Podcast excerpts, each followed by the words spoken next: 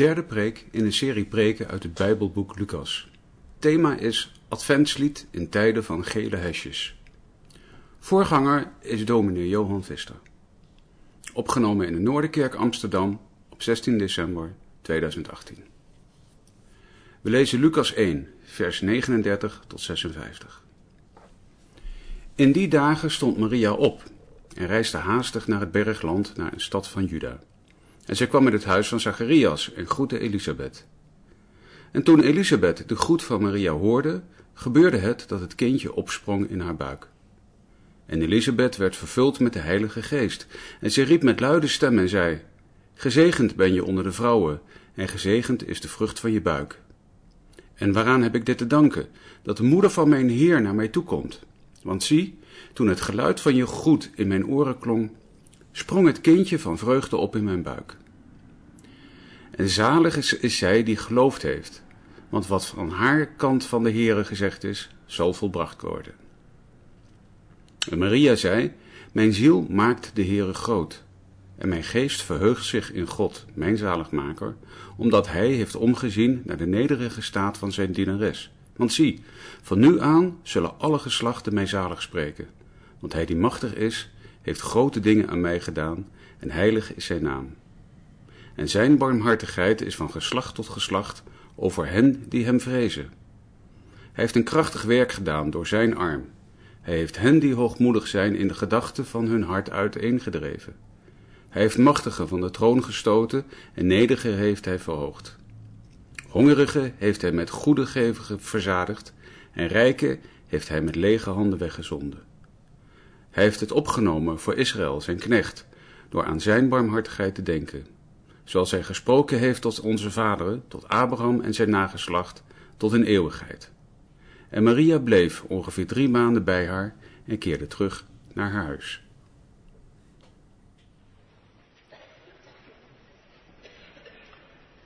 Gemeente van Jezus Christus. De gele hesjes. Ze waren er opeens in het land van de revolutie, Frankrijk. Maar ze verschenen ook hier. En hier stelden ze niet zo heel veel voor. Een kleine, wat chaotische, heel diverse groep mensen.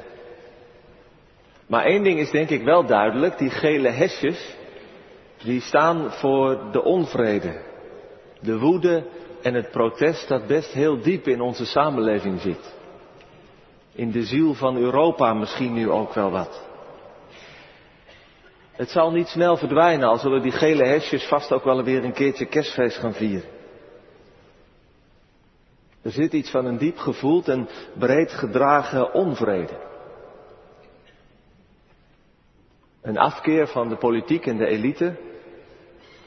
De angst van, voor verlies van je eigenheid, je eigen cultuur door migratie en globalisering. En ook woede over de toenemende ongelijkheid in de samenleving en in de wereld.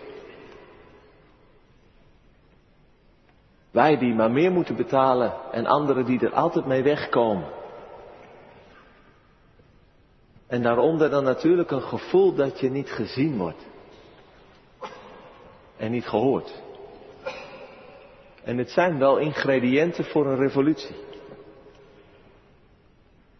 En ik moest direct aan die gele hesjes denken toen ik het lied van Maria las. Dietrich Bonhoeffer, de Duitse theoloog en martelaar in de Tweede Wereldoorlog, die zag het scherp. En hij zei, dit lied van Maria is het oudste adventslied. En het is ook het hartstochtelijkste, wildste en je zou haast zeggen het meest revolutionaire adventslied dat ooit gezongen is. Want hier spreekt niet de zachte, tere, dromerige Maria die wij kennen van de afbeeldingen. Hier spreekt de hartstochtelijkste, de in vervoering geraakte, trotse, bezielde Maria. Niets van de zoete weemoed van veel van onze kerstliederen, maar een hartkrachtig, onverbiddelijk lied van vallende tronen en van vernederde heersers. Ja, Maria, dat, dat meisje, vorige week hebben we daarbij stilgestaan, dat zich in een stil vertrouwen overgaf aan wat God met haar ging doen. En die we daarom, Maria, die we daarom ook veel meer kennen als die, die stille, wat vrome moeder van Jezus. De vrouw die alles wat er gebeurt in zich opneemt en stil bij zich bewaart. En die uiteindelijk aan voet van het kruis de moeder van alle wenende moeders is. Hier zien we een heel ander beeld van Maria. Hier zingt ze op een heel andere toon over wat er met haar gebeurt. En dat is niets minder dan Gods revolutie. Het lied dat zij zingt, de lofzang van Maria, of ook wel het Magnificat genoemd, naar de eerste woorden in het, in het Latijn, gaat over Gods krachtige grote daden. En dat, dat lied dat is zwanger van het Oude Testament, zou je zeggen. Want je hoort er het lied van Hanna in, wat we zojuist hebben gezongen. Hanna, die kinderloze, verachte vrouw, over wie God zich ontfermde, zodat ze de moeder werd van de profeet en de richter Samuel. Je hoort er de, de hoop en de lof van de psalmen in, en de verwachting van de profeten en dan vooral de verwachting die de profeet Jezaja heeft verwoord. Dat de Heere God met zijn grote daden en met zijn sterke krachtige arm zijn volk zal komen bevrijden. En het lied zegt ons dat wat er nu te gebeuren staat met de geboorte van Jezus, dat dat de vervulling, dat dat de, de climax van het Oude Testament is. En dat wat er nu met Maria en met, met Elisabeth gebeurt, dat dat niet zomaar iets toevalligs is. Of, of een geluk in hun eigen kleine leventje. Nee, zo heeft God het altijd gedaan.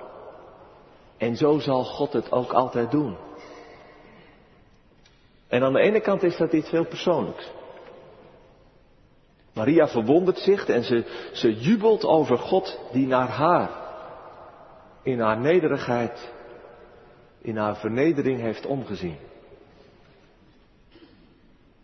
Hij staat voor al die kleine mensen, voor al die vernederde, niet geziene vrouwen. En aan haar, in haar onbeduidendheid en kleinheid, heeft God zijn grote dingen gedaan. En daarom zullen alle geslachten haar zalig prijzen. Maar Maria die blijft niet in het persoonlijke hangen. Haar geloof is niet een soort van privévroomheid. En dat is bijbels. God is niet alleen geïnteresseerd in onze individuele zielen of in jouw persoonlijk hart. In onze individualistische tijden en met onze nadruk op een persoonlijke relatie met God vergeten we dat grotere bijbelse perspectief nog wel eens. Maar de schepper van hemel en aarde, die is geïnteresseerd in heel zijn werk. En als hij mensen opzoekt, dan zoekt hij ze altijd op omdat ze deel zijn van zijn volk. Het volk waarmee hij het verbond heeft gesloten, het nageslacht van Abraham en via hen ook alle andere volken van de wereld. En dat merk je in, in dit lied, want Gods grote daad aan Maria, dat kind Jezus, dat is het begin van zijn grote daden van verlossing voor Israël. En daarmee ook voor de volk. Hij heeft het lot van zijn knecht Israël zich aangetrokken, zingt Maria. Daarin horen we de belofte van Jezaja, want bij Jezaja is er sprake van een knecht van de Heer. Dat is een, wat mysterieus persoon in wie we iets van Christus herkennen. Maar ook Israël is de knecht, de dienaar van de Heer. En nu heeft God zich het lot van zijn dienaar aangetrokken. En hij denkt aan zijn barmhartigheid. Dat is een vertaling van het Hebreeuwse woord voor, voor, voor zijn trouw, zijn verbondstrouw. Dat God Israël niet loslaat. Het is dus net als vroeger. Toen het volk van God als slavenvolk vernederd en onderdrukt door die machtige, rijke, goddelijke farao vastzat. En God zelf met zijn sterke arm en zijn grote daden naar hen omzag. En zo zal hij nu ook zijn volk bevrijden. Dat opnieuw vastzit. Op politiek gebied. Onderdeel van het wereldrijk Rome. Met een dictator Herodes op de troon.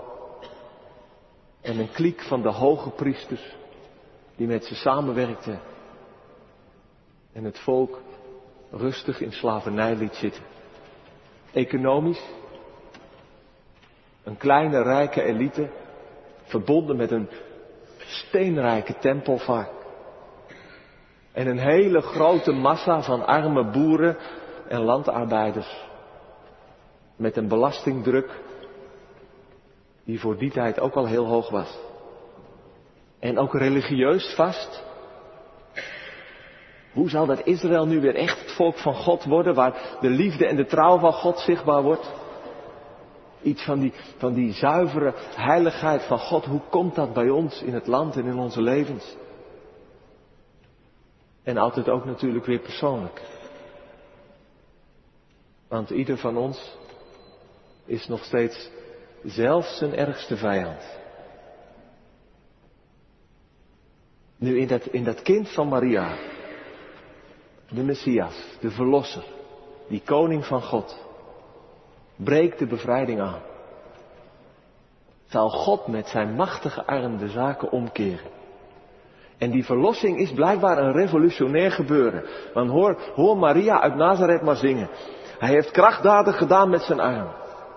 En de hoogmoedigen in hun, in hun verstand verstrooid. De machtigen van de troon gestoot. De nederige verhoogd. De hongerige heeft hij met goederen verzadigd en de rijken met lege handen weggestuurd. In het lied gaat het om een tegenstelling tussen twee groepen. De hoogmoedigen, de machtigen en de rijken aan de ene kant. En dat zijn de, de, de, de, degenen die trots de wereld naar hun eigen hand zetten. Die God nauwelijks nodig hebben. En die zeker ook niet zitten te wachten op redding. Ze redden zichzelf wel. En aan de andere kant zijn er de eenvoudigen. De nederigen, de, de hongerigen. De mensen die geen hoge dunk van zichzelf hebben. Die in een situatie van nood en gebrek zijn beland. En die helemaal zijn aangewezen op Gods hulp. Het is wel goed om bij zo'n tegenstelling te beseffen dat Maria hele felle profetische woorden zingt. En die zijn altijd wat zwart-wit. Je bent of machtig of nederig. Je bent of rijk of je bent arm. Maar dit zwart-witte moet je natuurlijk dan niet opvatten alsof er geen nederige rijken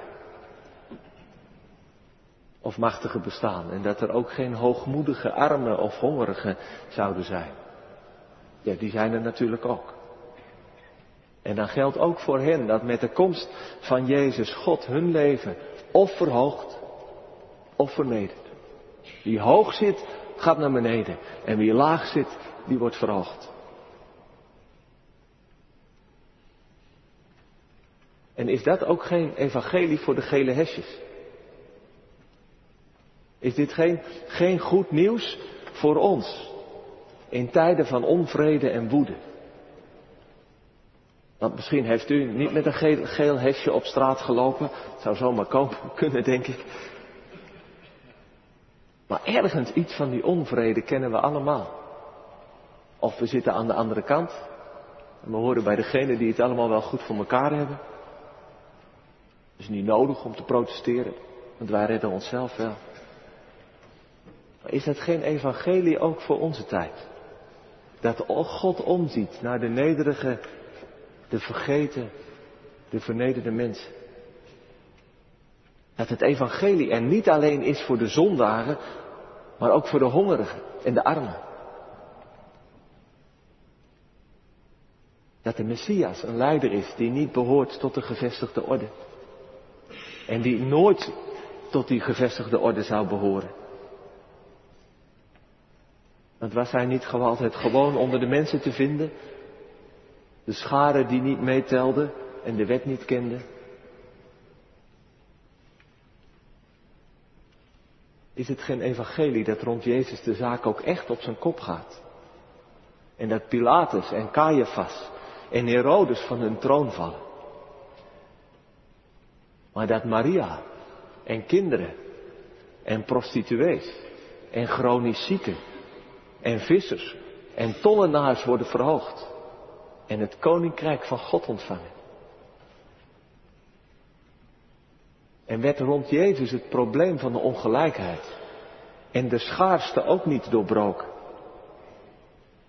Toen hij met vijf broden en twee vissen, al delend en gevend, iedereen te eten gaf. En daarmee ook een voorbeeld gaf van hoe het onder zijn leerlingen zou moeten toegaan. Is hij niet de leider, die Jezus? Dat kind van Maria, waar je als, als met je gele hesje of zonder je gele hesje heen moet. Want de echte revolutie, die is niet aan de politiek. Links of rechts. Obama was de Messias niet. En Trump die lijkt er in de verste verte niet op. En Geert of Jesse of Kees, die, die zullen ons echt niet verlossen.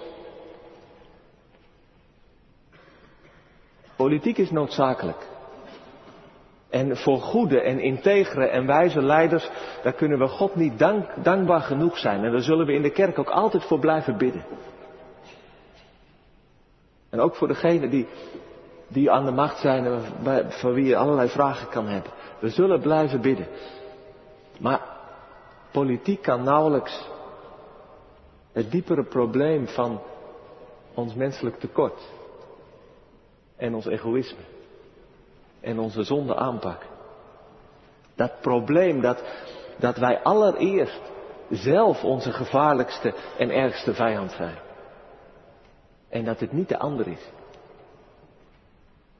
En daarom denk ik lopen alle politieke revoluties die er in de geschiedenis zijn geweest. En ook al die politieke grote woorden waar, waarmee wij worden gebombardeerd. Die lopen altijd weer op een teleurstelling uit. Ze beloven een nieuwe wereld en dat het echt anders gaat worden. Maar de mensen blijven oud. En de zonde van corruptie en hoogmoed en eigen belang, die steken altijd weer de kop op. En wij als, als bijbelse gelovigen, wij hebben een evangelie. Een goede boodschap voor onszelf en voor onze medeburgers. Verwacht niet te veel van je leiders. Want er is maar één Messias.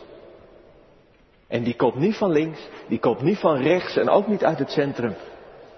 Maar die komt van God. En van die Messias heb je wel veel te verwachten. En dat begint ermee dat wanneer je bij die Messias komt, dat die Messias je niet spaart. En dat is ook het evangelie voor ons en voor de gele hesjes. Jezus' boodschap van het koninkrijk van God dat nabij is, dat begint met bekeer je.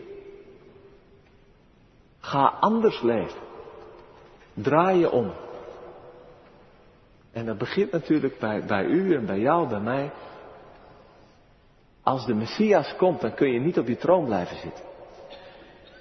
Of met je hoogmoedige hoofd denken dat jij wel even bepaalt wat dat, en weet wat er moet gaan gebeuren. Je zult van je troon af moeten.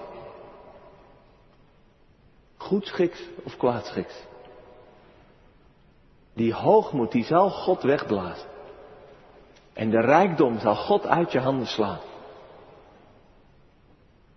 En wij zien dat natuurlijk vaak wel, wel heel scherp bij anderen. Bij de topsalarissen en de elite. Of bij die aanstellerige types die, die leven van de aandacht van anderen. Bij de profiteurs en de criminelen.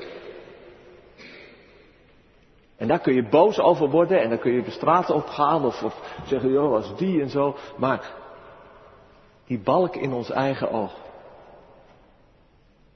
die missen we zo vaak.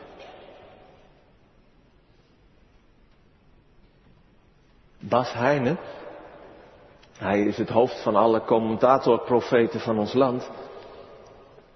Hij zegt dat de mensen die zo boos zijn vandaag en die zich vergeten voelen en die ook een soort van verlangen hebben naar goede oude tijden, hè, toen, toen dat touwtje nog door de brievenbus hing.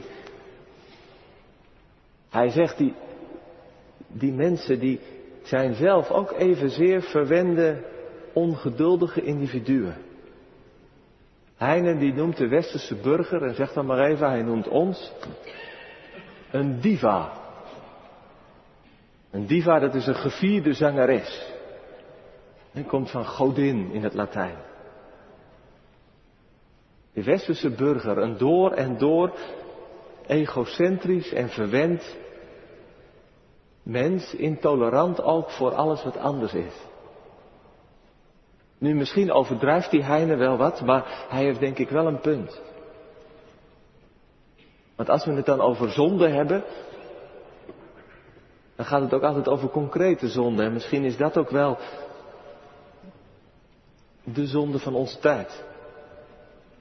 Dat we grote of kleine, arme of rijke, tevreden of ontevreden diva's zijn. Of je nu met een geel hesje aanloopt of niet. Of je nu helemaal niks met God hebt, of dat je elke zondag in de kerk komt. Want ook in je geloof kun je natuurlijk als een diva vooral met jezelf bezig zijn. Een kerk die niet goed genoeg is. Je broeders of zusters die, die niet helemaal jouw type zijn. Die dienst, nou, dit is net niet mijn smaak. En God, ja, die zou toch eigenlijk wel een beetje meer aandacht kunnen hebben voor, voor mijn zo belangrijke, interessante leven. Weet je wat God dan doet? Die gaat gewoon aan je voorbij. En die kiest Maria. Dat kleine boerenmeisje uit Nazareth. Het tegenovergestelde van de diva. En zij grijpt in de Bijbel de microfoon. En vanmorgen doet ze dat ook. En zij zingt haar revolutionaire lied over God. Die de diva's van hun troon stoot. Die de hoogmoedige als, als kaf in de wind laat wegwaaien. En die trouw blijft aan dat kleine volkje van zwervers en pelgrims. Abraham, Isaac en Jacob. En zij zingt het lied over God. Die verschijnt met zijn eigen koning. Koning Jezus. Ja, dat is ook wel goed om bij Advent te beseffen. Dat we uitkijken naar een koning. Want we kunnen rond kerst en Advent nog wel een beetje vertederd en zoet bij de kribben gaan staan. Dan kijken we zo wat naar dat lieve kindje Jezus, alsof we op kraamvisite zijn bij de Heere God. En we pinken een traantje weg. Wow, hoe klein en kwetsbaar. En lief komt God toch bij ons. En ik denk, nou die vertedering en dat zoete geloof en die gezelligheid, die, die gunt God ons ieder jaar weer even. Want ik denk, hij weet ook wel dat we dat nodig hebben in die donkere decembermaanden. Maar laten we niet vergeten dat dit kleine kindje groot wordt. En dat het een koning is. En dat zijn troon een kruis zal zijn. En dat hij zo de revolutionaire omkering en bevrijding van God heeft gebracht. En dat hij zo koning zal blijven tot in eeuwigheid. Dus ook vandaag. In tijden van burgers die zich diva's voelen. En dat is niet alleen een kritisch en hard verhaal. Het is het dus ook. Maar het is ook een bron van vreugde. Want we moeten nog even kijken naar hoe dat lied wordt gezongen, wat je dan ziet. Die twee vrouwen, zie ze daarin stralen en juichen en zingen van blijdschap. Die twee vrouwen met hun zwangere buiken, de oude Elisabeth en dat meisje Maria. En als je dat tot je door laat dringen, dan weet je, het kan niet anders dan dat dit evangelie een bron van vreugde is. En dat is ook zo mooi, die goddelijke revolutie. Die gaat niet gepaard met geweld. Menselijke revoluties altijd. Het gaat ook niet gepaard met boze schreeuwers. Maar hij gaat gepaard met zingende mensen. Die zingen van de revolutie van God. En is dat ook niet wat wij zo nodig hebben? Vreugde. Diepe vreugde. Dat er één is die naar ons omziet. Die die hele verloren, oneerlijke en vermoeiende wereld genadig op zijn kop zet. En die het kwaad dat in ons hart en dat in de structuren en dat ook in de, in, in de godsdienst zo is ingevreten. Aanpakt. Maar zonder geweld. En zonder ons kapot te maken. Maar door ons opnieuw een kans te geven. Om nieuw te beginnen. Dat er een God is die met groot geduld trouw blijft. Aan Israël. Dwars door alle gruwel en alles heen.